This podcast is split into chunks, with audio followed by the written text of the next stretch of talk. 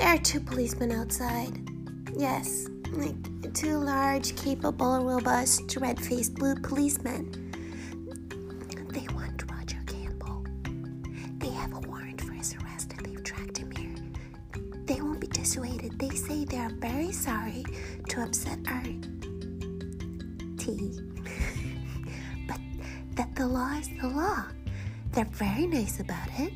They say they're willing to come in anywhere through the roof or through the attic or by the window or the back of the kitchen door. They're not intent upon the front door and the drawing room, but even their manners, even with their manners, is, this is just so dreadful.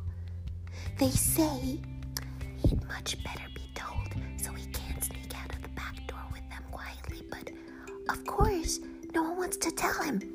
Oh. Mr. Millicent, could you not, not break the news to him? You could do so gently, or better still, go and persuade those policemen to go away. How eloquent you are, even in such adverse circumstances. How persuasive. It's so nice of you to help Mr. Campbell out like this. Just go on, Mr. Millicent.